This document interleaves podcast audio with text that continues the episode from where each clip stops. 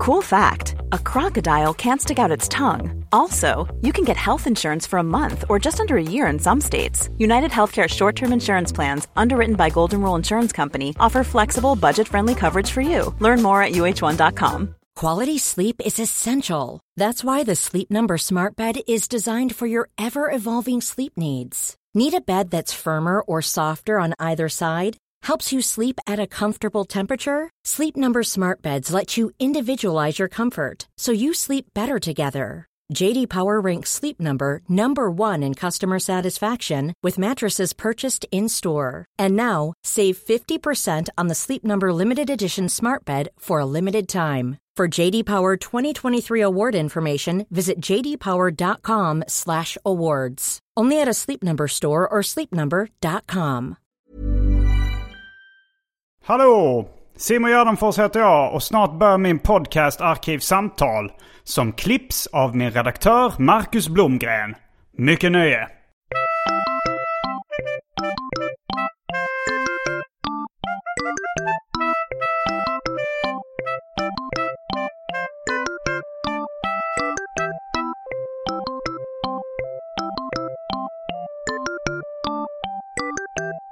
Hej och välkomna till Arkivsamtal. Jag heter Simon Gärdenfors och mitt emot mig sitter Isak Jansson. Hej!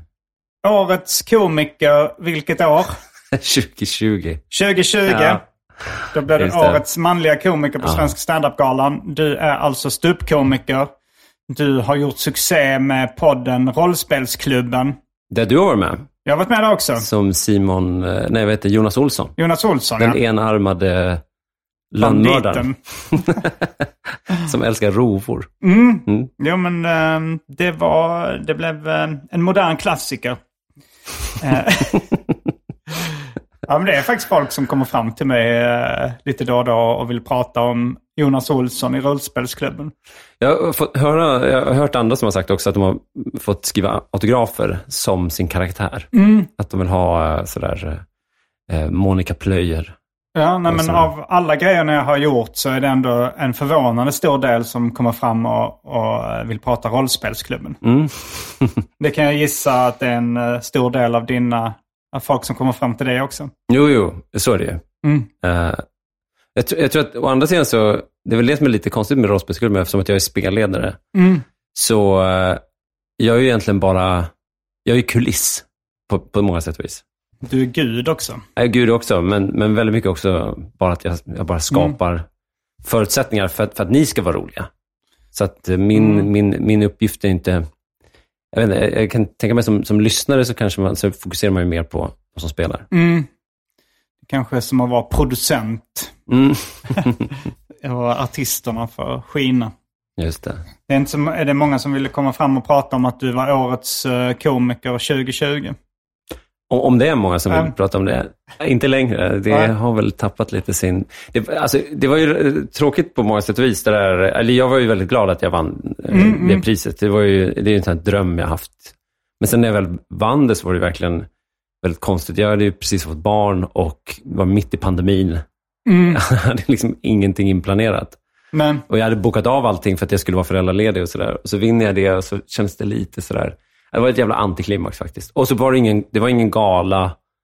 Vi satt på AMK Studios, mm. tog emot priset. Jag kom dit sent. Jag fattade inte att det var jag som hade vunnit. nej, nej. Um, jag, jag minns att jag satt hemma och tittade på den här eh, streamen. Mm. Och så såg jag att Carl Stanley var i studion. Mm. Jag tror han var nominerad och så var det Jonathan Unge. Och så hade Jonathan vunnit året innan. Så att jag var ganska säker på att Jonathan inte skulle vinna två år i rad. Mm. Och sen när jag såg att Carl var i studion så tänkte jag, ah, men okej, ah, fuck it. Du har, jag har inte vunnit. Det, det är Carl, Carl är där. Mm, mm, Så, mm. man hade inte bett Carl Nej, komma nej. man inte så. Det hade de. Men han var, ju, han var ju där också för att han vann pris för årets eh, föreställning. Ah, ja, ja. Så att eh, det var ju därför han var där. Och jag, så jag satt hemma i soffan så, här, så hade de någon sån här, eh, var Fritte som satt där och eh, liksom lite fiskade efter så här, ja, vi väntar fortfarande på en person. Så, där. Och så, så satt jag hemma i, i sån eh, eh, puckad misstro. Ja. Och liksom, nej, men nej, nej, det är- det är fortfarande inte jag. Och sen till slut var min fru som bara, "Ah, jag tror faktiskt att det är du. Mhm. Så fick jag åka in. Och så, ja, men det, var, det var konstigt. Det var, Jag har ju... Så du satt i studion när du, när du fick reda på att det var du? Nej, jag satt eh, hemma och tittade på livestreamen. Jaha. Ja, för så, det var en livestream, det var ingen gala jaha, eller så du, någonting. men du åkte inte in till AMK-studion? Nej, alltså det var lite missförstånd också. Så här, för Mm. att, eh, jag hade fått infon om att befinna mig i närheten. Vilket jag, man kan ju såklart tolka hur man vill. Eh, det kan ju också vara, alltså Gubbängen är väl också närheten. Okej, sätt så vis. du, alltså du menar komma in så var det bara att du kom in i chatten eller du kom in i livestreamen liksom? Du jag vill- åkte inte dit? Men jag vill ju inte åka dit, komma, tja tja, sitta i en soffa och sen få reda på att jag inte har vunnit Nej, och bara nej. åka hem. Eller det är en sak om det är en gala, om man Ja. inte vinner så är det ändå så här trevligt Mm, att vara där. mm. Men att bara sitta i en studio och sen så åka hem var inte... Nej, Kändes okej. inte så Så du jättekul. fick, eh, du fick vara med över länk hemifrån? Nej, nej, nej. När jag åkte in sen till studion. Du gjorde det? Okej. Ja, jag tror jag hoppade in i någon taxi och skyndade dit och så kom jag in. Och, jag får mig att jag sa det också där och då, att så här, på skämt, att, så här, att det här måste ju vara sämsta året att vinna på.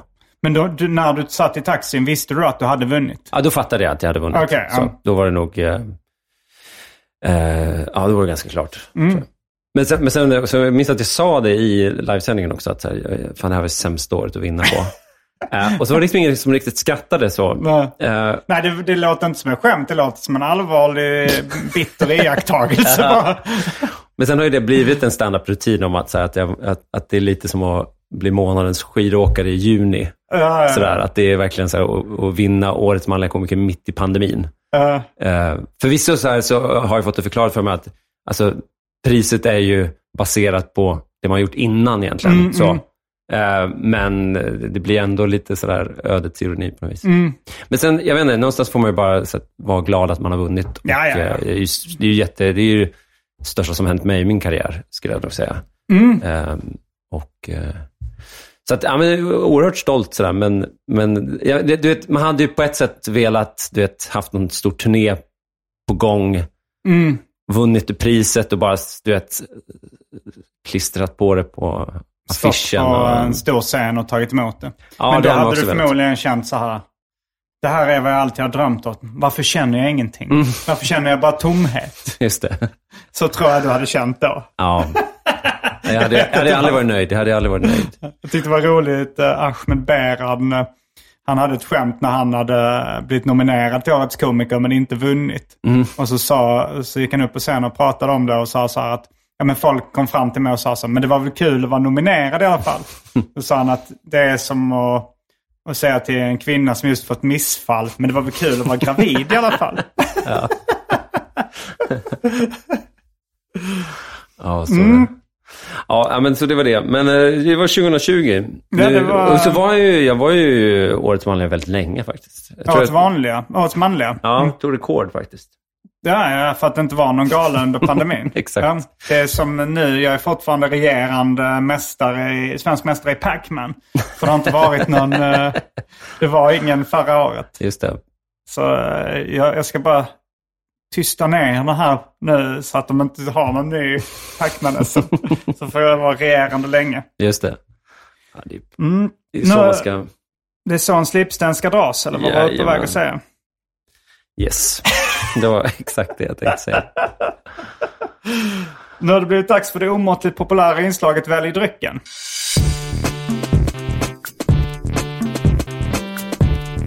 Jag tror vi börjar med det fasta inslaget Välj drycken. Och här kommer alternativen. Fanta Zero apelsin. Kaffe, te, Malibu, Passoa, konjak, vodka, whisky, martini. Eh, rom. Likör. Varför lät du så skeptisk på rommen där? För att eh, jag tyckte att jag hade skrivit pom. Och det är äpple på franska, om det Ah. stavas lite annorlunda. Det är väldigt pretentiöst att skriva äpple Ja, på franska. äppeljuice. Ja. Pom. Eh, och så har vi uh, häxblandningen, det vill säga alla drycker som fanns i min kyl innan den genomgick en så kallad corporate rebranding. Mhm. Och för tråkmånsar och nejsägare, vatten. Jag vill ha kaffe. Du vill ha kaffe? Det Ja. finns bara pulverkaffe utan mjölk. Det blir jättebra. Du vill fortfarande ha det? Är det varmt eller? Ja, Ja. Inte du bara... kan få det kallt. Nej, jag vill ha det varmt. Men jag vill bara, jag vill bara dubbelkolla vad som, Ja, vad som jo. ingår i den här jag, ville beställningen. bara, jag ville bara bädda för besvikelsen. Känns det inte lite som med hela det här inslaget att man gärna vill vara den som tar det spexigaste på menyn? Eh, jo, Man känner en viss press. eh, ja, men det är redan någon som har tagit häxblandningen. Och eh, det är med, det, det, det, vad sa du? Vem var det som tog den? Kan varit eh, Josefin Ginder som tog den första gången. Mm. Men jag tror att det är mer, eh, alltså att respekten man får är minimal. Och smaken man får i, i munnen är äcklig. Är katastrofal. Ja, bättre formulerat. Men eh, jag tar eh, Fanta Zero. Mm. Jag heter Simon Gärdenfors och, Och jag, jag bor heter- i en stad. Och jag heter Atte Magnusson och jag bor i, i, på landet. Eh, vi ska ut med vår nya eh, standardföreställning Stad och land. Hur känns det Simon Gärdenfors? Jag är otroligt taggad. Härligt! Eh, vilka städer kommer vi till undrar du kanske? Undrar du det? Eh, ja, Ja. Jag, vet, jag har ingen aning. Nej, men eh, vi åker ut den 23 mars, börjar, först, eh, börjar turnén. Borlänge, Jönköping, Helsingborg, Kristianstad, Skövde, Örebro, Lund, Kalmar, Växjö, Linköping, Uppsala, Eskilstuna, Stockholm, Göteborg, Karlstad, Malmö, Sundsvall, Östersund, Borås och Varberg av alla jävla ställen. Eh, hjärtligt välkomna till Stad och land, en stand-up show om kontrasterna mellan storstad och landsbygd med Anton Magnusson och Simon Gärdenfors. Eh, A Love Supreme eh, Production. Så kom och kolla för, eh, för oss, för vår skull. Biljetter finns på specialisterna.se. Ja. Då är vi strax tillbaks med dryckerna kända från det omåttligt populära inslaget Välj drycken. Häng med!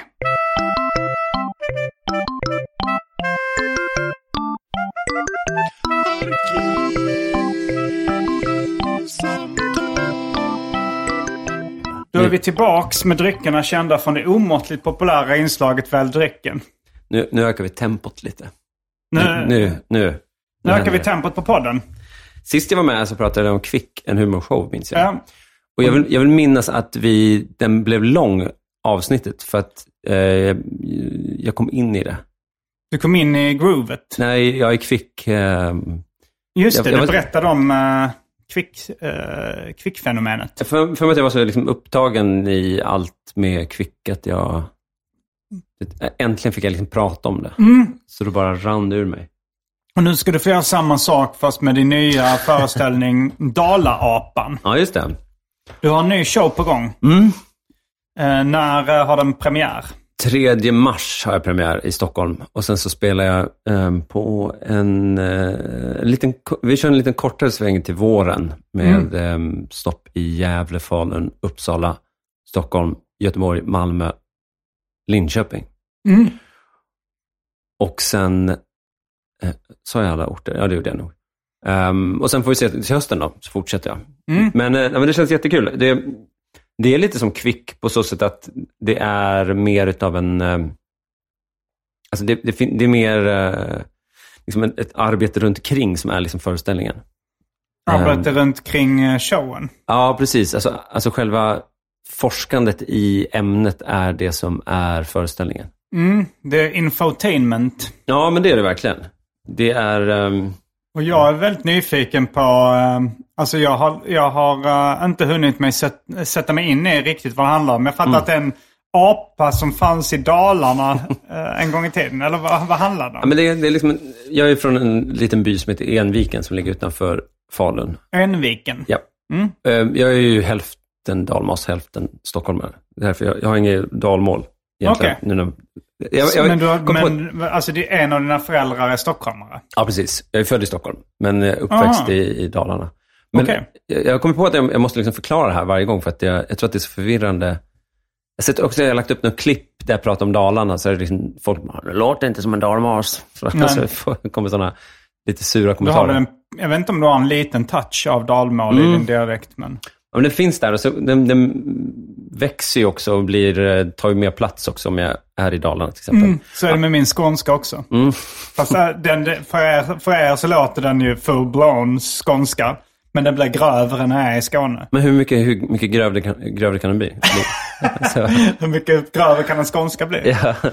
Ja, men man kan ju snacka den här... Pratar du så? Redigt. Nej, jag vet inte. Men, uh, nej, men det, jag menar, hur, så grov kan den bli? Det låter som han i vad heter den enfaldiga mördaren. Jag kan bli enfaldig. Men... Uh, är principen. ja, men jag, jag har ju dalmål där någonstans där. Men, eh, så jag är från en liten by och den ligger utanför, um, för, utanför Falun. Mm. Uh, och- Enviken. Enviken. Och där så fick jag höra en skröna då om en apa som rymde från en cirkus. Mhm. Och eh, storyn var den att den här apan rymde från cirkusen och liksom härjade på byn. Vilket år sades det att det här var? Eh, det här var innan 1950. Mm. Så. Och när apan härjade omkring på byn och man fick aldrig tag på den här apan, så till slut så pratade man då med jaktlaget. Och så sa man så här, ni får i uppdrag att leta reda på den här apan och skjuta den. Find him and kill him. Ja, och då gav de sig ut och spårade apan. Och då är det en, eh, en kompis då till min, min bror. Vad var det för sorts apa? Ja, det finns lite, det är lite oklart. Det är en liten del av mysteriet också, vad det var för slags apa. Men, men, men storyn är i alla fall att, att en av jägarna då hittade apan ute i skogen, sköt den och sen grävde ner kroppen ute Okej. i skogen. Och det Och- var en kompis till... Ja, precis. Så att och då det geväret har min brors kompis fått ärva. Mm. Så han äger geväret som man sköt apan med. Som han, All right. han har liksom hemma. Eh, det är ett fint gammalt sånt hagelgevär. Liksom, så, som, eh, Hagelbrakare. Mm. det är ett roligt ord. vad, vad heter här, vad heter? Blunderbust, eller vad heter sån? Ett sånt trattgevär. Ja, precis. Sällan Ja. man ser dem. Ja, eh, jag vet inte vad det, vad det heter egentligen, men Nej. musköt. Muskedunder. Det här var i alla fall ett, ett hagelgevär. Okej, en eh, riktig hagelbrakare. Ja, precis. Och så, eh, och så, så det här är bara en skröna som jag fick höra Ja. ehm, 2020 när jag var på besök i, i byn. Då fick du höra den om apan för första gången. Ja, jag hade aldrig hört talas om den här berättelsen. Vem var det som berättade för dig? Det var min bror som berättade. Jaha. Och så var det bara så där att jag, jag vet inte, du vet, det var ju pandemin, jag hade inte mycket att göra, Men, föräldraledig. Så jag gick liksom och bara gick och tänkte på den här historien väldigt, väldigt mycket. Och sen så började jag lite på skoj och så här, man kanske kan kolla upp ifall den här stämmer. mm, Så, jag började att eh, men, kolla lite sådär, Googla. funkar det här? Liksom? Är det här möjligt? Eh, Så här, skulle det här vara rimligt att en apa skulle rymma på det här viset och vad skulle man göra då? Så där. mm, och sen ledde det till att jag till slut satt och liksom ringde folk på byn och Mm. frågade om de kände till den här berättelsen. Så jag började samla in och, och så kom det in liksom varianter av den här berättelsen. Så det fanns någon Mm. variant på någon jägare som var ute och körde bil och så såg han en apa på någons tomt. Så, så han stannade bilen och hoppade ut och så han geväret i, i bakluckan. Mm. Och så gick han och sköt apan och så åkte han därifrån bara. va? Eh, och, så det fin, fanns en massa sådana stories. Och så var det bara den här spänningen i att så här, vissa, vissa kände till berättelsen, vissa kände inte till berättelsen. Så efter, efter ett bra tag så bestämde jag mig för att men nu ska jag fan försöka ta reda på om det här verkligen är sant. så. Och eh, det slutade med att jag satt på Kungliga biblioteket i mikrofilmsavdelningen Mm. och liksom letade genom tidningsartiklar och letade efter cirkusen eller någon slags cirkusannons eller någon typ av annons om en apa som har rymt.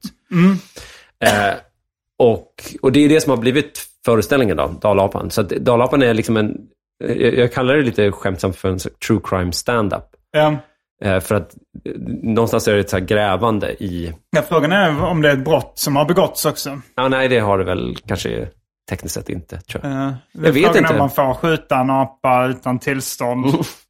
även om, om det inte är självförsvar.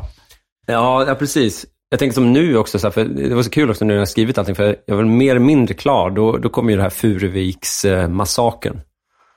Just det, jag har inte hängt med så mycket i det, men där sköt de också apor. Ja, det var tre stycken de sköt, tror jag det var. Ja. Eh, och sen var det också här nu har du byggt in det i föreställningen? Ja, det var, jag var tvungen. Det kändes som att jag kan liksom inte, jag kan inte besöka Gävle. Elefanten i rummet. Ja.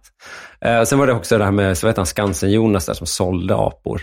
Mm. Eh, Det var ju också det här, vem var det som, det var någon kändis, var det, som hade skjutit en apa i Afrika? ja, Felix Herngren. Felix Herngren? Ja.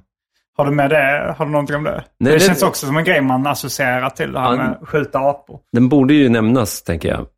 Ehm, jag får kanske slänga in den någonstans. Mm. Men, så, det- så det är liksom en... och och det är det som är så konstigt. Jag, jag, jag kan liksom inte berätta för mycket, för då, då spoilar jag lite grann av det som är föreställningen. Men Ja.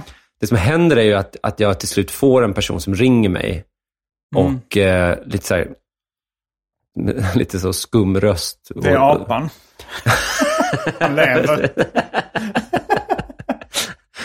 Nej, men det, är det någon som ringer och säger liksom så här, men jag, jag har den sanna historien om apan. Så här. och, så, och så leder det vidare då till eh, en till upptäckt som är ganska eh, unik och häftig. Alltså den, den personen som då eh, var ögonvittne till och såg apan, Mm, mm. eh, skrev ner sina, sina då, eh, minnen och sådär. Eh, I olika typer av minnes, både så här, privata minnesanteckningar men också offentliga då, som har lagt ut och sådär. Mm.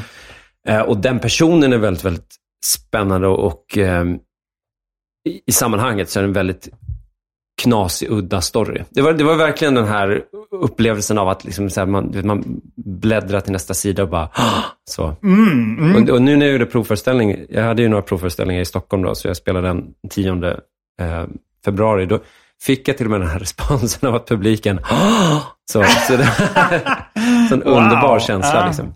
Så, så Det är det, roligt att eh, vanligtvis som ståuppkomiker man eh, ute efter motsatsen. Nej. Ett Ha!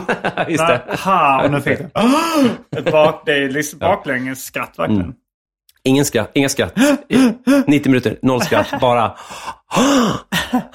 Bara häpnad. Publiken ligger dubbelvik av häpnad. slaktade med häpnad. Sveriges mest häpnadsväckande. Stå upp häpnad. ja, det här blir ju, du kanske för folk som inte förstod det så är det väl en del skratt också. Ja, ja, ja, ja precis. Men det är ju en standup-föreställning. Så. Mm. Men jag, jag är ju väldigt inspirerad av, jag har ju varit jättemycket i Edinburgh till exempel. Ja. Eh, och där är man ju väldigt duktiga på att göra liksom sån tematiska Mm, Du pratar föreställningar. om Fringe Festivals med en eh, humorfestival de har varje år. Mm, precis. Och då, där är det just det här att, i, i och med att de, britterna ofta skriver en föreställning per år, vilket vi inte gör i Sverige på samma Men- sätt. Eh, du gör väl det? Inte varje år, men kanske var, varannat ungefär. Du skriver ju mer eh, än vad de flesta gör. Det gör jag. Det är, det är mer än... eh, Alltså, vi är väl ett gäng, eh, kanske på fem, sex pers som, eh, som jobbar stenhårt med att ta fram nytt material inom Ståupp-Sverige. Just Och det. jag är en av dem. Mm. Har ni ett namn? De produktiva heter ni. Det är ett minimum av fantasi som krävs för namnet De Produktiv. Men det är ett bra namn. Finns det inte någon sån här, vad heter det? De, produktiva, men det, är så här, det enda vi inte orkade göra det var att hitta på ett bra namn för ett gäng. där, där, där tog energin slut. Och så det finns... finns det inte någon sån här namn på såna här ateister, att de heter något sån här The, the Five Horsemen of uh, Atheism, eller sån här, med han, vad heter han, uh, Hawkins och, heter han så, eller Hitchins eller här. Ja, ja. Så jag tänker att ni ska ha någon sån, så här, de, de fem eh, ryttarna. Av men vilka är de fem då? Alltså, jag, jag bara drog det som, som man brukar säga ur röven. Mm. Eh, att vi var fem till sju pers. Men eh, det är jag, eh, Magnus Bettner, Ja. Carl Stanley. Mm. Eh, jag vet inte om... Eh, alltså Fredrik Andersson är väldigt produktiv. Men jag vet inte på just det att om, när han, han sätter inte ihop en ny föreställning så ofta. Nej, nej. Um, vilka är det mer som, som bara pumpar ur sig nya shower? Alltså det Sämst-gänget gör ju det i viss mån. Ja, Men de kör, ju... de kör ju kvartar. Mm. Eller kanske lite mer. En gång om året. Ja. Så de har ju, de har ju en del... Um, Alltså Al skriver väl egentligen en, en ny timme. Al Pitcher. Ja. Ja, nej, men han verkar också vara... Det är kanske fler än fem. Det var, det var, eh, det var ju som sagt bara... Det var egentligen du och Magnus. Det var, det var ni två. Men jag tänker också på vilka man ser oftast på klubbarna testa fram nytt material. Mm. Och eh, Atto Karlsson är ju, eller har varit i alla fall, nu, nu, han är en av dem som testar mest. Mm. Eller, eller i alla fall kör mest. Alltså, han körde ju eh, 357 gig ett år. Eh, det året han räknade. Just det. Så, eh, eh, nej men, eh, så han är ju den som kör mest. Men han, han har ju inte tagit fram så många nya föreställningar. Nej, just det. Och, Men eh, eh, Nisse och Petrina också skrev ju extremt mycket nytt. Mm. Och väldigt produktiva. även Johannes Finnlaugsson. Ja, just det. Han, eh, han kör ju en ja, föreställning om kring, året. Kringlan. Ja, K. Kringlan också. Ja, Okej, vi, vi får nog, eh, det får nog vara ett mindre fotbollslag. Man kanske istället ska nämna de som aldrig skriver nytt. Det är ännu fler Att de kan vara en liten sån eh, The Five Horsemen. av samma material.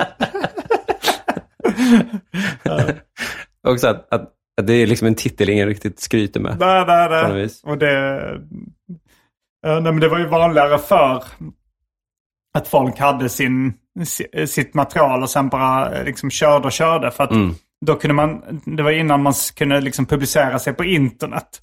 Så då, eh, då bara körde man liksom samma material om och om igen och kanske vässade lite och fick det bättre. Men, Ja, precis. men, eh, men det var väl också lite med Louis CK och Bill Burr och, och de creddar ofta George Carlin för det. Liksom det här med att man eh, skriver en föreställning, uppträder med den, kanske släpper den och sen kastar det materialet och skriver en ny. Just det. Eh, för det, den trenden började komma kanske för en 10-15 år sedan. Mm. Men, Att det var fler och fler som gjorde det då. men man, glöm, ja, man glömmer lite grann också det här Edinburgh eh, Fringe, alltså brittiska humorscenen. Som, Ja. Mm. De är ju extremt produktiva på det sättet. Eh, och just att man, man kommer till Edinburgh. Edinburgh är ju hela augusti, 22 Mm. dagar. Eh, och det är varje år. Har du haft en show där någon gång? Nej, det har jag, jag har aldrig haft. Jag varit jättenära på, jag har velat göra det. Och sen så har jag, det, alltså det kostar jättemycket pengar. Och, Mm. Och, man och går... hyra ett ställe i en månad? Då. Ja, och bara boende, alltså bo där en månad är ju Nej. svindyrt. Och Man all kan inte dra in så marknadsföring. mycket pengar på det. De flesta- det är gratis ofta de flesta va? Ja, både och. Alltså, du kan ju ha en sån paid venue Mm, och sådär. eller så. Och då får du istället hyra. Så att då, då riskar du ju en massa pengar. Ja. Så att alltså, de flesta går ju back på Edinburgh. Och det är väl ett jättestort problem där. Mm. Men det som jag tycker har varit så häftigt när man är där, det är att i och med att där finns det någonstans en kultur av att här, man skriver en ny timme varje år för Edinburgh. Och så Mm. Ja, ja. är liksom, Edinburgh är ju liksom fönstret ut för den timmen. Mm. Och eh, går det bra i Edinburgh, om man vinner priser, om man får mycket uppmärksamhet, en bra recension, Mm. så kan man liksom rida på den vågen. Det är lite så den brittiska scenen ser ut. ja, just det. Och då kan man liksom fortsätta att, att man, man, man breakar liksom i Edinburgh. Vilket Mm. är lite synd, så här, som i Sverige så har vi ju Lunds humorfestival. Mm, som ofta är i slutet av augusti, början av september. Ja, och där är det ju mer att eh, det är ju ett härligt häng och lite så firmafest. Ja. Men det är ju inte riktigt som att någon har liksom breakat via Lunds humorfestival. Nej, det är inte vad jag vet.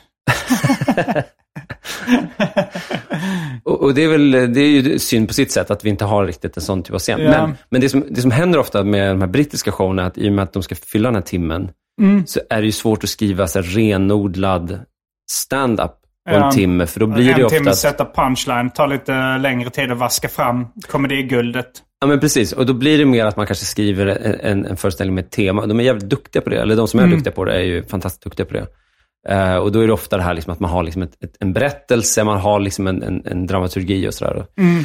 Eh, så jag har alltid liksom tyckt att det var häftigt. Och vi gjorde ju väldigt mycket det där med när vi gjorde Kvicken humorshow. Jag och Ola, att vi, vi hade liksom en berättelse Mm. Och som vi du, ville Ola berätta. Orell, gjorde en uh, humorföreställning om Thomas Quick. Ja, just det. Ja, precis. Mm. Kvickfallet där. Eh, så, så den var ju väldigt inspirerad av liksom det tänket. Mm. Och när den gjordes så var ju, jag ska inte säga att det är unikt, alltså det är verkligen inte, alltså att, att komma och hävda liksom att man har uppfunnit monologen är ju liksom inte eh, Nej, men ni var riktigt tidiga rätt. i Sverige med att göra den typen av... eh, alltså, alltså ja, jag, jag tänker på de här... Uh, ja, men, eh, det var ju lite typ den... Om man tänker Måns Möller till exempel. Han gjorde ju en uh, humorföreställning om sin autistiska son. Va? Mm, jävla pajas heter den va? Jävla pajas. ja. Och det var väl lite en sån liksom, en stand-up-berättelse. Mm. Och jag, jag tänker på The 90s, ett försvarstal av um, Henrik Schyffert. Den, den hade väl någon form av röd tråd, men var ändå kanske lite lösare i ramarna än vad Kvick, en humorföreställning var. Mm. Ja, jag, jag har inte sett faktiskt Jävla Pajas.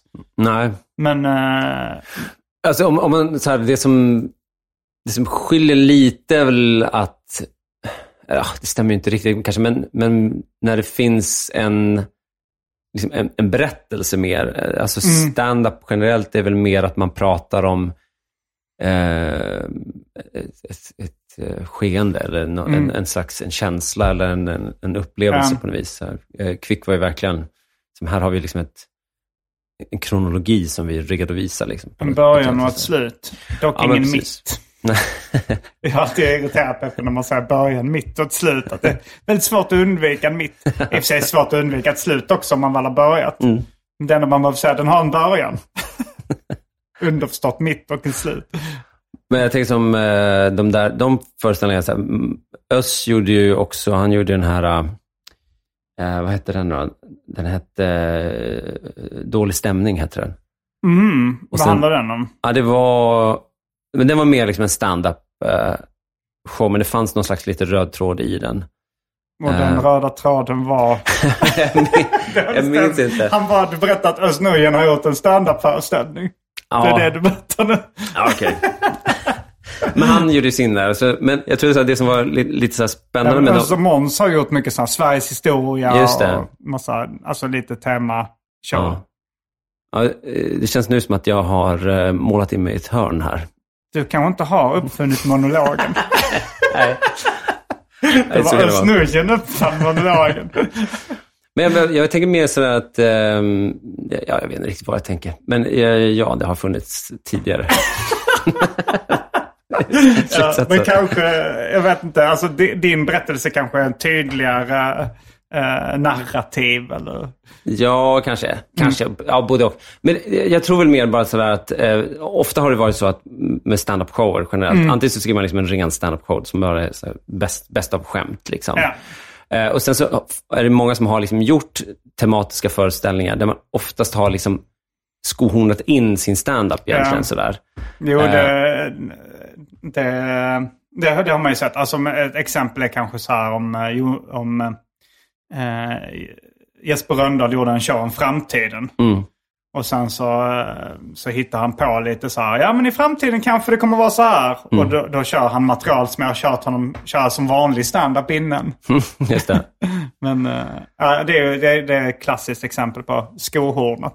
Men Ja, sen kan man precis. specialskrev lite också. Men, Ja, precis. Ja, men, alltså, men det är väl ganska så här, så gör väl alla egentligen. Ja. Sådär. Men, och eh, Anton brukar ju ha eh, namn. Alltså nu har vi stad och land. mm, just det. Eh, och det kommer vara extremt lite på temat stad och land.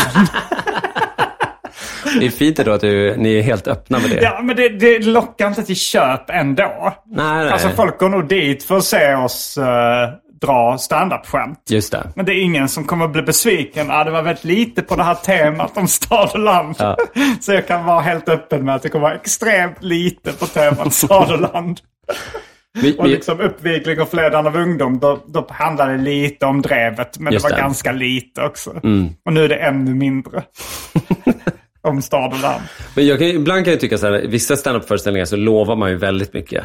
Ja. Med att så här, det här handlar om eh, liksom, den här resan jag gjorde, bla bla bla. Ja. Och sen man går man dit och så är det, kan det vara lite, nästan lite för skohornat. Eh, Ja. Utan att ge några exempel. Så där. Men, Vi, kan, eh, vi, kan, vi kan ta upp exemplet eh, Eddie Murphy Tribute Show. måste, vi, måste vi prata om Eddie Vi kan Murphy ta det Tribute? kort. Det var Janne Westerlund och mm. Fernando Fernando som hade en, en föreställning som hette... Jag tror det var mest Janne. Ja, mest Janne Ja, Westerlund. ja. Eh, och, och, och jag har sett den eh, minst en gång. Och det är väldigt, väldigt lite som har med Eddie Murphy att göra. det är en anekdot i början om när han träffar Eddie Murphy utanför Comedy Store. Just det. Och sen är det hans vanliga standup. Mm. Men det är väl ett exempel på, på när det, ja, Men eh, det kan man ju anklaga stad och land och uppvigling och förledande av ungdom också för att inte riktigt... Eh, Fast jag, jag tycker ändå att alltså, man kan göra det med, med, med stil på något vis. Alltså Ja. man kan ju ändå... Och, och sen också det här, jag, jag, jag tycker lite, lite grann att um, så här, Lunds humorfestival kan ju ibland A lot can happen in the next three years. Like a chatbot may be your new best friend. But what won't change? Needing health insurance. United Healthcare Tri Term Medical Plans are available for these changing times. Underwritten by Golden Rule Insurance Company, they offer budget friendly, flexible coverage for people who are in between jobs or missed open enrollment. The plans last nearly three years in some states, with access to a nationwide network of doctors and hospitals. So, for whatever tomorrow brings, United Healthcare Tri Term Medical Plans may be for you. Learn more at uh1.com. Millions of people have lost weight with personalized plans from Noom, like Evan, who can't stand salads and still lost 50 pounds. Salads, generally, for most people, are the easy button, right? For me, that wasn't an option. I never really was a salad guy. That's just not who I am. But Noom worked for me. Get your personalized plan today at Noom.com. Real Noom user compensated to provide their story. In four weeks, the typical Noom user can expect to lose one to two pounds per week. Individual results may vary. Quality sleep is essential. That's why the Sleep Number Smart Bed is designed for your ever evolving sleep needs. Need a bed that's firmer or softer on either side? Helps you sleep at a comfortable temperature? Sleep Number Smart Beds let you individualize your comfort so you sleep better together. JD Power ranks Sleep Number number 1 in customer satisfaction with mattresses purchased in-store. And now, save 50% on the Sleep Number limited edition Smart Bed for a limited time. For JD Power 2023 award information, visit jdpower.com/awards. Only at a Sleep Number store or sleepnumber.com. tyvärr eh, falla lite på just att, att det är många som gör föreställningar där man, man skriver liksom ett tema och sen så bara skohornar man in material. Mest för att kanske ha en föreställning att få åka till Lund med. ja. Ehm, och där kan jag tycka så här som i Edinburgh då, att det finns en lite mer, jag tror inte man kan liksom komma undan med det på samma sätt i Edinburgh, utan där är det lite mera, ehm, det finns en, en, en större tradition av att man faktiskt kommer med en ny föreställning som man verkligen har skrivit från grunden. Ehm, och att det får handla om någonting. Och så. Jag, vet- jag vet jag, de är jävligt bra på det här. Ehm, nu har vi, Har du varit där många gånger på Edinburgh Fringe Festival? du har väl säkert varit där typ tio gånger. Oj! Jag har varit där en gång med Anton och Albin från Specialisterna. Mm. Eh, Det var skitkul. Ja, De hade också så roast battles varje kväll. Just det. Där det var rätt så mycket fylle roast battles. Så att folk kom upp inte så jätteförberedda, aspackade. Just Sen det. var det vissa som var bra också och förberedda. Men det var ändå en, en rolig upplevelse. Det jag tänker svåra där är ju också att när man gör 22 dagars festival, alltså 22 dagar av Mm, konstant giggande. Många av de som är där, de gör ju liksom åtta shower per dag. Herregud. Eh, för att man, man, det är inte bara att man har sin egen show, sin egen timme, utan man, man försöker liksom locka folk till sin egen show Mm. via att uppträda på andra shower, sådana här showcase. Först, man är Ja, ja. med kanske på en sån roast Mm, roast battle. battle för att kunna också dela ut flyers till sin föreställning. Så Ja, det, det finns liksom ett sånt ehm, Ekosystem. Ja, men precis. Där, där, eh, där man får in folk via att uppträda och visa upp sig. Så. Mm. Eh, så att jag tror också så här, just de där, att de är så fulla och oförberedda är nog ganska en en naturlig del av att ha, ha kört åtta gig per dag i, i kanske 15 dagar. Liksom. Ja, ja det verkar ändå kul. Ja, men det är så häftigt. Jag, jag tycker alla ska, alltså har man möjlighet, om man gillar humor ska man åka dit. Bara för att, jag, jag åker ju bara dit ofta och tittar. Jag Mm. Ja. åker ju inte dit och uppträder. Men bara man åker dit, eh, alltså man, man kan verkligen se liksom det absolut bästa du någonsin sett och det absolut sämsta du någonsin sett. Mm. Eh, så, jag, jag har sett idéer på pappret som man bara, det här är helt idiotiskt. Och så är det exakt så idiotiskt som jag Har förväntar du mig. några exempel på, eh, det låter kul med någonting som på pappret är helt idiotiskt. Ja, men det var några som hade, de hade typ fått någon konstig ölspons tror jag. För att alla deras flyers hade det här ölmärket som de pushade för. De, de hade en föreställning om ölens historia. Ja. Och hela grejen var att man, man satt i publiken och så hade de byggt upp som att publiken var i ett rymdskepp. Jaha. Så, och så hade de som en stor skärm och så reste man i, i ölets historia, minns jag. Man reste i tiden då. Ja, och en och- tidsmaskin. Och varje gång den för att den skulle resa så var man tvungen att tanka då. Så då skulle alla i publiken halsa öl. Så det var ju liksom också ett jävla scam bara för att folk skulle handla svin mycket öl i Ja, baren. ja. Men föreställningen var liksom klockan 11 på förmiddagen. så att folk satt där, där ganska slitna och bara halsade starköl.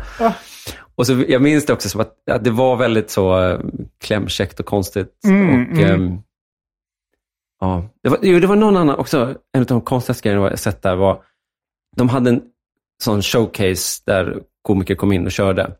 Men de ville utforska hur det skulle vara om man inte kunde använda sin kropp i stand-up. Man inte fick, alltså som deadpan delivery. Då bjöd de in Lisa Eriksson och... Då hade de en, ett, ett skynke bara, Ja. så, som de hade klippt ett hål i. Så alla komiker var tvungna att komma in och sticka in huvudet genom Ja. det här hålet. Så det enda man såg var ett, liksom ett huvud mot en så svart bakgrund bara. Okej, ja. Och så körde man stand-up så. Och det var verkligen så här, det, det var ju inte de bästa komikerna som var där. Nej. Så att det var inte så att det blev bättre av att man tog bort någonting som potentiellt hade kunnat gjort skämten lite bättre. Nej, så att det var verkligen... De hade jag, kört stand-up in the dark. Körde de på Just det. Lund Comedy Festival också. Att komikerna skulle uppträda i mörker. Mm. Då är det mer som att lyssna på en, men som att lyssna på en stand-up-skiva på Spotify. just det. Eh, för, för det är ju svårt med publikinteraktion och sånt. Man borde i och för sig kunna göra det. Man kan ställa ut en fråga och få ett svar Ja. i mörkret. Men, tycker ofta med sådana såna grejer att du ska ha sett så jävla mycket stand-up för att ty- uppskatta det där. mm, Alltså att du ska ju verkligen ha sett allt för att tycka att en sån grej är spännande. Men att de flesta publik har ju inte sett allt. nej. De vill nog gärna ha lite händer som flaxar. Ja. Har du varit någonsin på, det finns en Just for Laughs. Är det i Montreal eller Mm. to- Toronto eller Det finns väl en i, ehm, Quebec? I Australien också va? Jaha, jag tänker för att uh, i Kanada någonstans Mm. så har de, eh, Det är Montreal tror jag. det är Mon- ja, och det är väl världens största stand-up-festival. Ja, precis. Eh, Om man inte, alltså Edinburgh Fringe eh, kanske skulle vara ännu större om man räknar det som en stand-up-festival. Men det är, Ja. det är, mer, det är, det är annat än stand-up där också. Jag för mig att Edinburgh räknas som världens största scenkonstfestival. Så För det att är väl lite annat än humor också, men det är Ja. mest humor där. Men du har Ja. inte varit i, eh, just, Just for Laughs? Nej, jag, jag tror att den festivalen är lite mer uppstyrd på något vis. Mm. Alltså, den är inte lika, Edinburgh är väldigt sådär att alla kan komma dit och, och göra någonting, ställa sig Ja. på gatan och sådär. Medans, jag har ju aldrig varit i Just for Laughs, eh, Nej. så att jag vet inte. Men jag får lite känslan av att den är lite mera uppstyrd. Mm, det kanske mer som en Hultsfredsfestivalen Mm. för humor fast inomhus. Har- Är det inte, alltså så att Ja, precis. Jag, ja, jag vet inte. Jag man skulle måste vilja vara åka dit. bokad? Och, ja men det hade varit kul att åka dit. Jag har faktiskt Ja. aldrig varit i Kanada. Nej, inte jag heller. Men du, du har rest runt rätt mycket och, och kört stand-up utomlands va? Mm, ja, precis. Det, nu, nu var det faktiskt ett tag nu, sen jag gjorde det. Jag, jag hade en sån här period där, jag- för vi pratade, du ska åka till Tokyo. Mm. Eller är det hemligt? Nej, det är inte hemligt men jag kommer nog vara i Tokyo när det här släpps. Ja, okej. Så att det, här kommer, det här blir en tidsmaskin där man får halsa öl om man vill. Eh, ja, nej, men jag, ska, jag ska uppträda på eh, Tokyo Comedy Bar. Just det. Men jag hade lite sådär, det, det, det är ju flera år sedan nu, men att jag eh, var ute och reste sådär, så hörde jag ofta av mig till någon sån här lokal stand-up-klubb. Ja, Och så skrev jag bara så här, kan jag komma och uppträda? Så gjorde man det. Och så Mm. Lärde man känna folk via, via den, den svängen. Så, där. så fick man komma tillbaka sen lite senare. Och så där. Så, att, Mm. ehm, så har jag varit runt väldigt, väldigt mycket. Uh, främst i, i Europa. Då. Belgien och ehm, ja, men, så, såklart Danmark, Norge, Finland, Estland. eh, allt sånt där. Mm. Men sen lite mer så här knasställen. Så här, jag var ju till... Men eh, åkte du då till Estland för att köra stand-up eller var det att du bara var på semester i Estland och så bestämde du dig för att köra stand-up? Ja, Estland var kanske tvärtom. Där var det ju att jag blev bokad dit. Okej. Från. Mm. för där var ju han Louis Cesaron som bodde i Sverige som startade ehm, Stand Up Estonia. Och han bokade ju svenskar i början. Mhm. Så då var ju svenskar som körde på Ja, det engelska. var, jag har missat Louis Cesaron. Ja, men han är väl... eh, Så jag kan renommésnylta på Louis CK. Säga det lite slarvigt. Ah, Louis C. We booked uh, Louis Cesaron. oh, Som att man hade sagt det så. Och sån här idioten som bara, ah, jag köper biljett direkt. Här kommer. Ah.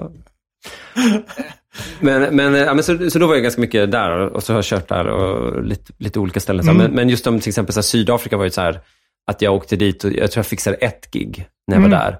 Men sen så... Var du där för att, köra stand-up då eller bara åkte du på semester till Sydafrika? Jag var på semester i Kapstaden. Och sen så gjorde jag, skulle jag göra ett gig och sen så var det att jag eh, hade folk som liksom rekommenderade mig. Och då fick jag, tror jag, fem gig till slut Wow. den veckan. Och så har jag fått frågan att åka tillbaka dit, men det är ju svårt att få det att få ekonomin att gå ihop riktigt. Ja, du får inte så mycket betalt för att uppträda. Nej, nej precis. Och sen, alltså saken är så här, tror jag att, att ska du göra den grejen och verkligen vara en international comedian, då ska du ju sikta på det hundraprocentigt. Ja. Jo, det, det, man utvecklas ju inte så mycket som svensk. Kanske lite med scenvaro och nerv. Alltså, mm. men eh, nej, men jag, jag håller med. Alltså det är en kul grej att göra och det, det, det ser ju fint ut i en CV också, att man har varit på en massa ställen. Men, men både inkomstmässigt och alltså, du, du lyckas ju, man blir ju aldrig stor i, i Belgien, hur många Nej. gånger du än är där. För du måste ju verkligen bo där och verkligen uh, göra ett avtryck Ja. ordentligt. Så, så det är väl det som är lite synd med hela den grejen. Jag tänker på, det har funnits några sådana här uh, personer som har varit förbi Sverige, som har varit sådana här uh, kringresande komiker. Ja. Eh, vad heter han? Uh, Dan Ryan Spalding är väl det, det bästa exemplet på någon som mer eller mindre levde som en kringresande komiker. Mm, det vet jag inte vem det är. Vad heter han, jag tror, jag tror att du vet vem han långsamt. är. Eh, Daniel Ryan Spalding hette han, från Kanada. Ja, ja, jag, har säkert sett honom på Big Ben eller någonting, men... Jag eh, är nog ganska säker på att du vet vem han är. Jag är nästan 100% säker. att, att jag känner igen hans ansikte om jag väl ser honom. Han eh, var väldigt, eh, han, han, är väldigt han, han tar väldigt mycket plats. Så att jag, tror att, jag tror att du vet vem han är. Men han i alla fall, han, han gjorde ju väldigt mycket så här att han åkte runt och var liksom i så här, knasställen, så där, Budapest och gjorde världens första gig i Budapest. och Sådana här konstiga saker. Eh, och eh, Lyckades han få en ekonomi i det då? Nej, men jag tror inte, nu vet jag inte vad han gör, nu, jag har ingen kontakt med honom så, men att ehm, eh, ja, men man har träffat några av de här som har liksom levt det där livet. Men, men man, man blir ju aldrig stor någonstans. Du får ju aldrig någon riktig publik någonstans. Utan Nej. du får liksom lite halvmycket folk lite överallt. Ja, ja eh, vad, vad heter nu han? eh, Jason Rouse. Mm. Han är väl lite sån kringresande eh, komiker som är, har blivit ändå lite stor i Danmark och lite Mm. stor i Sverige, lite i USA. Och han är från Kanada va? Så han är Just säkert det. lite stor där också. Men Ja, precis. Ja, han har väl slutat resa också? Han var det. ju i Sverige nyligen. Ja, okej. Jag uppträdde på samma show som honom på Laugh House. Mhm. Men, eh, mm.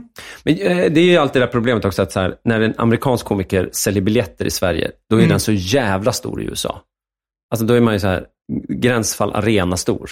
För att Mm. man ska sälja ut ett rival i Sverige.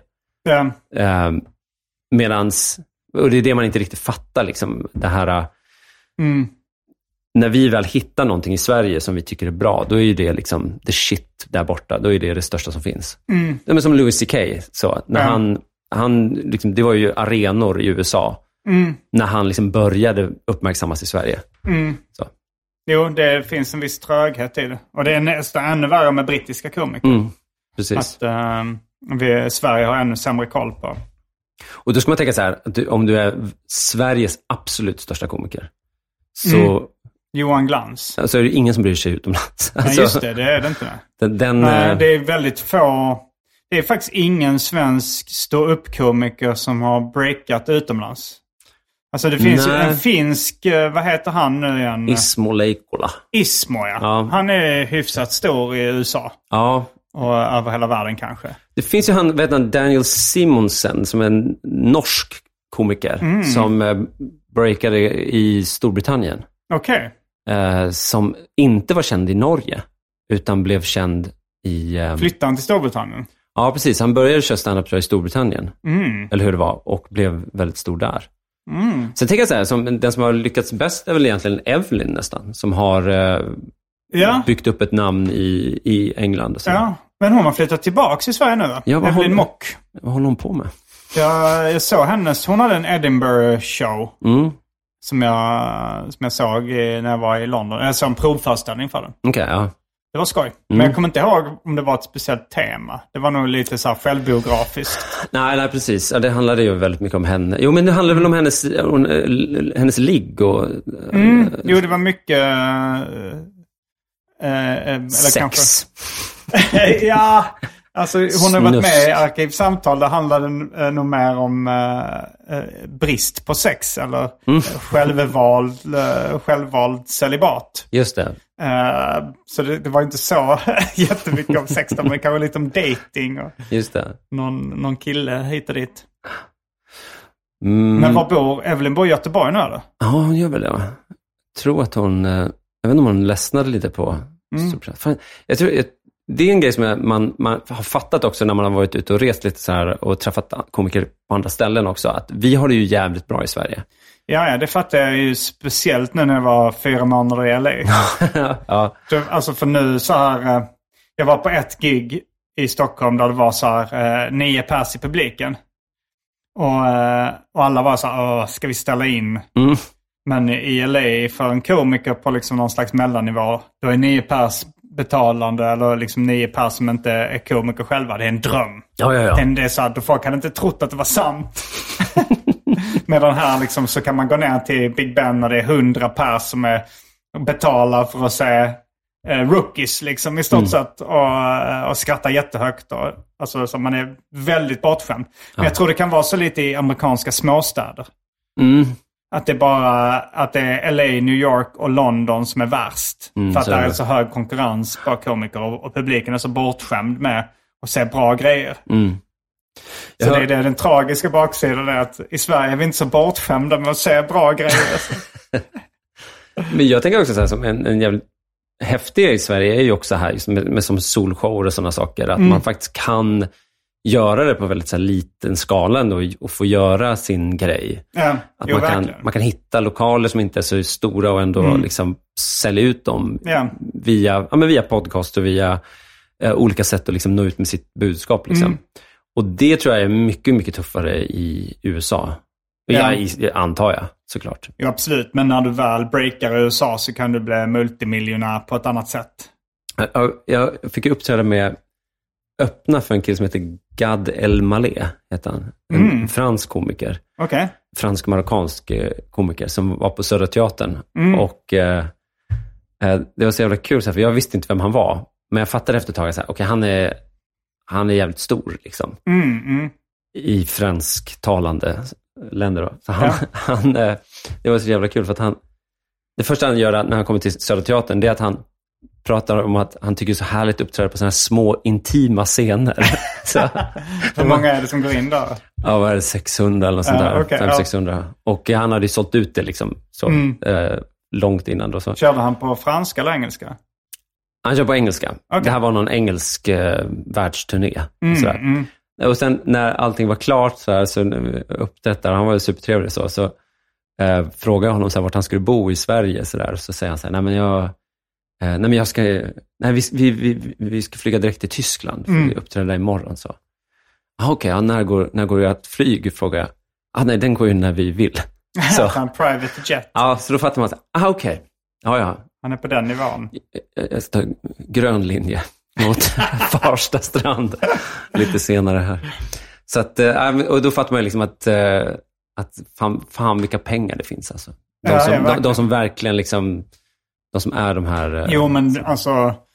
Eh, ja, men du kan ju tjäna jättebra pengar av alltså Johan Glans och de största svenska komikerna. Om man bara gör eh, matten att de säljer 20 000 biljetter Mm. och att biljetterna kostar 700 kronor styck. Eh, det, det blir ju väldigt mycket pengar även i Sverige på en turné då. Jo, så är det. Eh, men, men det är en, ännu en nivå om man kör arenor över hela världen såklart. Alltså jag hade ju kunnat leva det där livet, men jag valde istället att skriva en smal föreställning om en apa. För att jag är en sån... Eh, En konstnärsjäl. exakt. Det var roligt. Eh, Du öppnade också för eh, Todd Barry som är en eh, amerikansk komiker. Just det. Då, för då, det kommer jag ihåg att han, han var väldigt bra på publiksnack och att plocka upp grejer i rummet. Just det. Och du, du hade någon, du, du har ju liksom en amerikansk dia, alltså du har inte en brittisk dialekt. Nej, nej, nej. Och du hade ett skämt om det Sara, eh, att du pratar engelska med amerikansk Just det. brittisk. Mm. Och det plockade han upp när han gick upp så här. Uh, he said he has an American accent. If you, I would, I was uh, about to ask him, what part of Sweden are you from? Ja, fan. Vad, ja, han knäckte verkligen hela den rutinen. Verkligen. Jag, tror jag, jag, jag, kände, jag typ slängde den efter. Va? Nej. jag gjorde det. Ja, men, Den men lite så här, men, du vet, jag kör sällan på engelska, så att det blir lite så här ett hop, eh, så här, hopplock av liksom, sådana saker. Men men jag tycker ofta så här, jag har inga problem med att uppträda på engelska när man uppträder för till exempel europeisk publik. Men Men så fort man liksom uppträder... ja, okej, och där, för en europeisk publik så köper de mer att du har en Ja, ja, då låter det. Ja, precis. Men det är klart en amerikan inte tycker att det är så här klockren. Eh, Men eh, det, det var ju någon, jag tycker det bara så här också, som när jag någon gång har uppträtt i, i till exempel i, i, i Storbritannien till exempel. Då har jag ju haft, då har jag varit mer nervös än någonsin. Alltså bara, det, det finns någonting med att man, ja, men det, det blir verkligen att man, man står liksom i liksom meckat på något vis och ska, ska visa hur mycket man har läst eh, Koranen. och det, det blir liksom den saken. Och då, jag, jag känner mig så väldigt så eh, jag vet inte, genomskinlig och Det, är, ja, det, är, det är svårt att uppträda på engelska tycker jag också. Mm. Även om ja, men man har ju inte samma kvickhet. Eller jag har inte det i alla fall på... Så jag också så som i Sverige, så här, fan man, man lär sig alla, du vet, alla nyanser och sådär. All, allt med samhället också. Att man förstår svensk samhälle. Att om, om, någon, om någon säger att de kommer från något ställe så vet man, man kan det istället. Så, där, på något vis. så Ja. det finns väldigt mycket sådana sociala koder som man känner till i Sverige. Och det är det som gör att man blir man är bättre på svenska. Ja, ja, så. ja. Men så fort man åker utomlands så, så försvinner allt det där. Och så står man och med... eh, Och det är därför jag tror också som ska du bli bra på att uppträda utomlands, så måste du uppträda jättemycket utomlands. Och göra det hela tiden för att du också ska lära dig att kunna handskas med, om, om, om någon ropar ut att de är från Pakistan. Ja, vad, vad, vad ska du, då, då ska du ha någonting att säga liksom, eller kunna liksom, eh, koppla det till någonting på något vis. Alltså särskilt när det är en sån expat, eh, utländsk, eh, vad ska man säga, sån, sådana typer av kvällar är väldigt speciella också. De har liksom tio olika nationaliteter. Som de... eh, alltså till, som uppträder eller... En sitter i publiken. Mm. Det är också väldigt speciellt. Jo, men det finns ju vissa komiker. Alltså så här, Al Pitcher är säkert bra på det. Mm. Eh, men han, han har ju erfarenhet också från liksom England och... Ja. Hur stor var han i... eh, Har du någon koll på det? Hur stor han var i England innan han flyttade till Sverige? Nah, det, det, det ska man nog kanske fråga honom. Men jag, jag vet i alla fall att han körde ju, han var ju liksom ändå, alltså körde typ tio år, eller om inte mer, som, eh, alltså som arbetande komiker i, i, i London. Mm, mm. Och eh, gjorde väldigt mycket sån ehm, konf, liksom. Nej, och, och det är där han har blivit så jävla bra på att Ah, ja, ja, kunna okej. hantera publik. Liksom. På ett sätt Ja. som många svenska i- komiker inte är, för att vi har aldrig fått den träningen som man har fått Nej. ifall du jobbar 15 år på... Ja, då kör de säkert så här fyra gig per kväll och sånt i Mm, London. ja, men precis. Mm. Och så får de bara hands, handskas liksom med fulla idioter Ja. och, och liksom bara lära sig det liksom från, Mm. från grunden. Det är klart man blir, blir man jävligt bra på det. Ja, Men jag tror nog ändå att han, han jag, menar, jag tror att han rörde sig i, i de här liksom kretsarna kring, eh, alltså han, men man ser liksom hans, eh, ja som sagt, det här borde ju han svara på istället. jag ska försöka avsnittet Isak spekulera. Jansson om Al Pitcher heter det. Men du, du har ju på med stand-up längre än vad jag har så du, Mm. du har ändå mer eh, erfarenhet. Av Al Pitcher. Ja, dels av det men också av publiksnack. När jag började, alltså jag började gå på stand-up innan jag började med stand-up. Då gick jag oftast till Big Ben eftersom det var gratis. Mm. Och då var du eh, en regelbunden komfa där. Mhm, så var det nog. Eh, alltså du var den som liksom komfade varje söndag under en period. Mm, så kan det ha varit. Så då måste du också fått rätt mycket erfarenhet av det. Och... Ja, jag har alltid varit ganska feg med publiksnack. Mm. Så, jag tror man måste, man måste vara genuint intresserad av vad publiken säger. Och jag vill ju mer bara köra mina, mina tankar och mina idéer. Det har ju ofta lite varit min, min grej mer. Eh, Alltså jag gillar ju att skriva material och framföra på mitt sätt. Jag lyssnade på när eh, Jerry Seinfeld pratade om då Larry David. Så sa han så att han, han fick aldrig liksom riktigt med sig publiken. Han var inte den komikern som gick upp och frågade How you doing tonight? För han sket i hur publiken mådde. Han brydde sig inte. Han frågat. Jag tycker också så här, du vet, man, man sitter hemma och så här, men du, för du är också väldigt manusbunden, liksom, eller du skriver mycket manus. Alltså så, då, är man ju så här, då går man ju till klubben med, ett- med, så här, med, med, med ett manus med skämt. Ja. Jag vill, då vill jag köra det. Så där. Och att, att kunna liksom bara släppa det här och riffa med publiken, det där är ju... Ja. Jag har blivit lite mer publikinteraktion i mina stand-up-set. Men då är det ofta att eh, jag har ett skämt jag vill komma in på. Och sen så har jag märkt att det går bättre ifall man kommer in på det skämtet via lite publiksnack. Och då kan man ibland liksom ta lite sidospår. Mm. Ifall någon säger något konstigt och så kan man skämta om det. Just det. Men, eh, men det är verkligen en, en grej som kräver lite eh, erfarenhet. Alltså, så det gjorde jag absolut inte i början. Då gick jag bara upp och sa mina skämt. Och sen Mm. blev störd ifall någon ville prata med mig i publiken. Riktigt autistiskt sådär. Titta inte på mig. Prata inte med mig. Såg, eh, men jag tänker också där, många komiker torskar ju ofta på att så här, de bara pratar om saker som inte är så intressanta.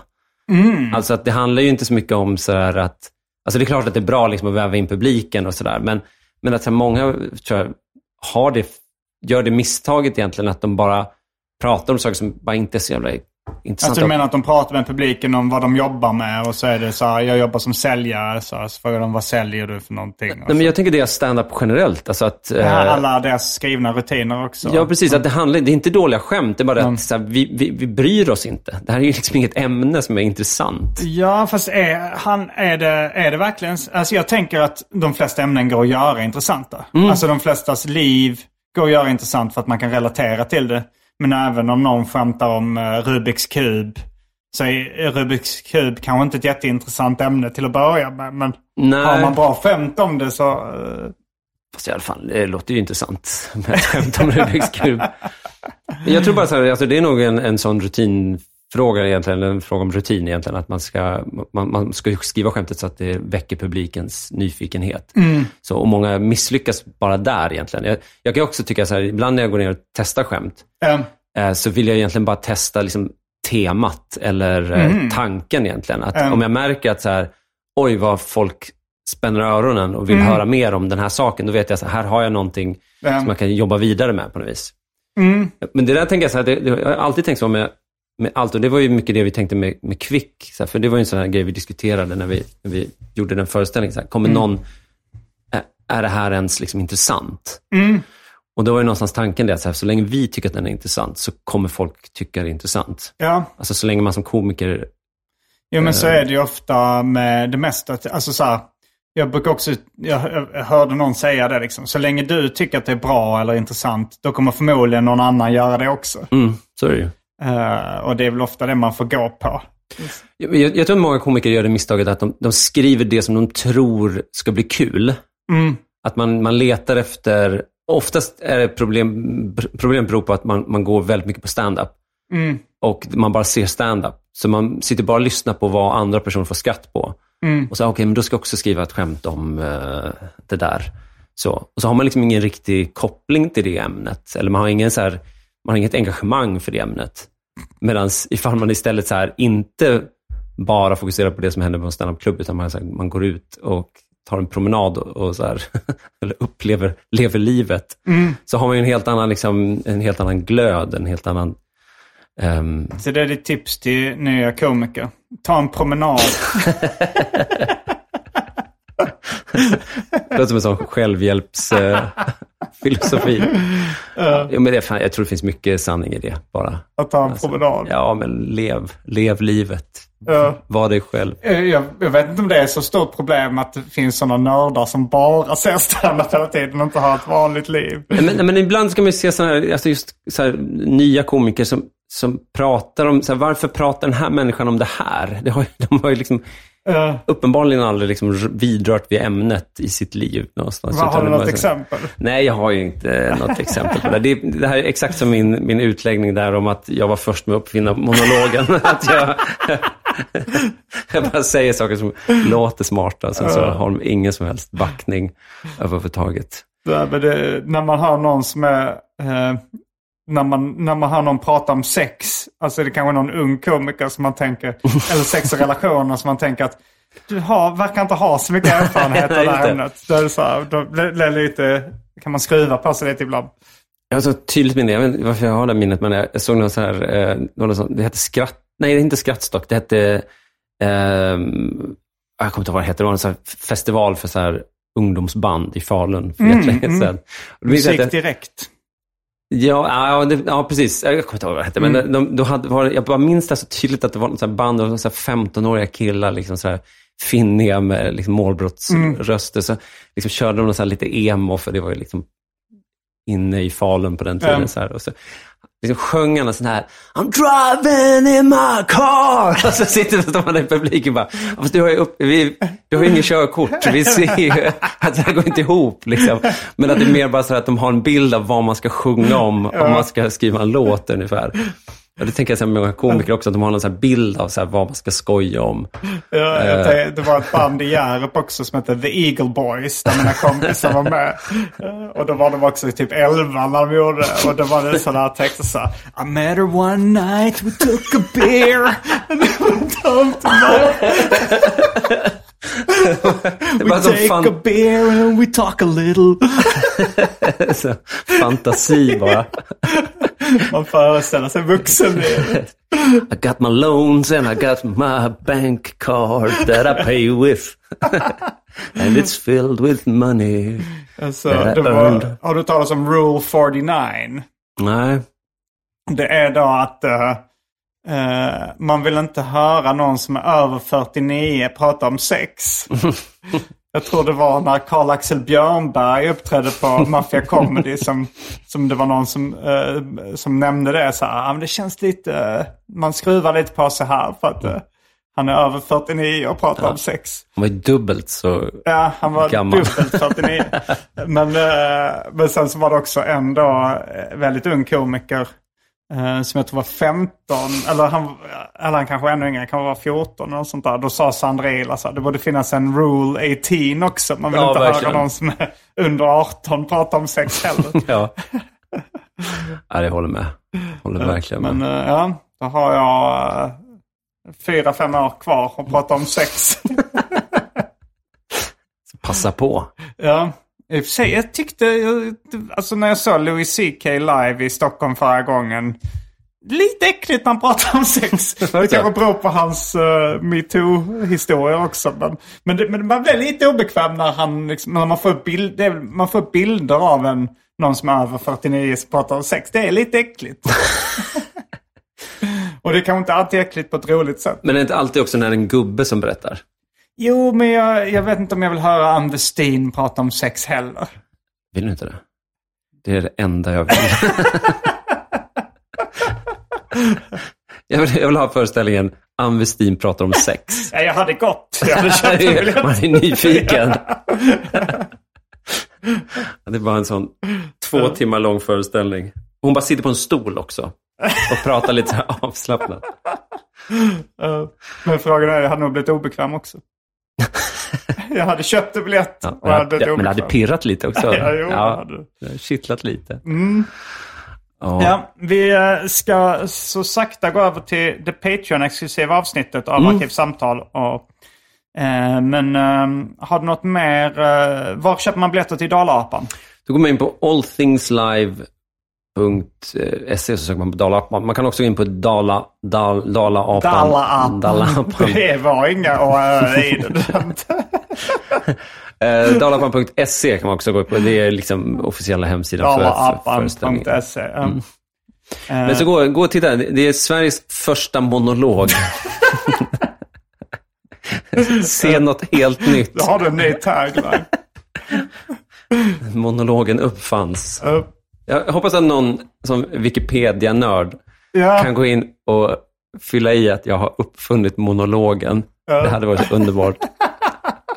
Monologen uppfanns av Isak Jansson. Det är ett internskämt i Specialisterna Podcast, eftersnackgruppen, att man, de går in på Wikipedia och ändrar till upptäcktes i Sverige av. att det var ett tag det stod på Fantas hemsida att Fanta Zero upptäcktes i Sverige av Albin Olsson. det fick vara kvar ett tag. Ja, det är roligt. Ja, det är underbart sånt där. Ja, men det, är, det är en speciell föreställning och den är, du vet, alla säger ju att det, den senaste föreställningen är det bästa man har gjort. Men jag skulle nog faktiskt eh, vara så fräck och säga att det här är bland det bästa jag gjort. Mm, du Ja. är lite originell där. Ja. Så att, ja, ja, men kom och kolla på den. Varje vecka så släpper jag ett bonusavsnitt av den här podden exklusivt för er som donerar en valfri summa per avsnitt på patreon.com arkivsamtal. Patreon.com arkivsamtal alltså. Det finns redan över 40 exklusiva avsnitt som du får tillgång till. Så det är mycket kul för valfri slant. Vill du bara vara schysst och säga tack för åratal av underhållning så kan du även swisha en slant på 0760 72 47 28. All denna info finns även i avsnittsbeskrivningen. Och glöm inte att följa mig på Instagram och andra sociala medier. Där bjuds det på gratis skämt och mycket annat. Ja, eh, det var allt från den här veckans ordinarie avsnitt av Arkivsamtal. Jag heter Simon Gärdenfors. Jag heter Isak Jansson. Fullbordat samtal.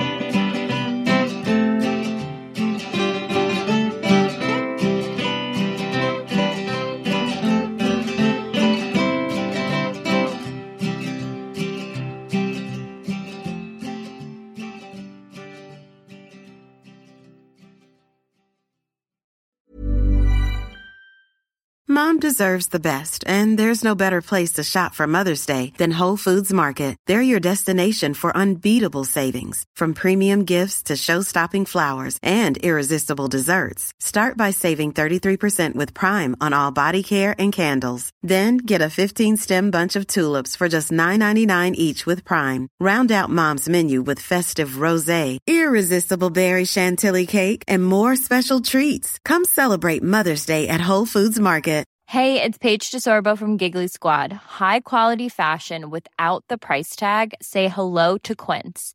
I'm snagging high-end essentials like cozy cashmere sweaters, sleek leather jackets, fine jewelry, and so much more. With Quince being 50 to 80% less than similar brands. And they partner with factories that prioritize safe, ethical, and responsible manufacturing. I love that. Luxury quality within reach. Go to quince.com slash style to get free shipping and 365 day returns on your next order. Quince.com slash style.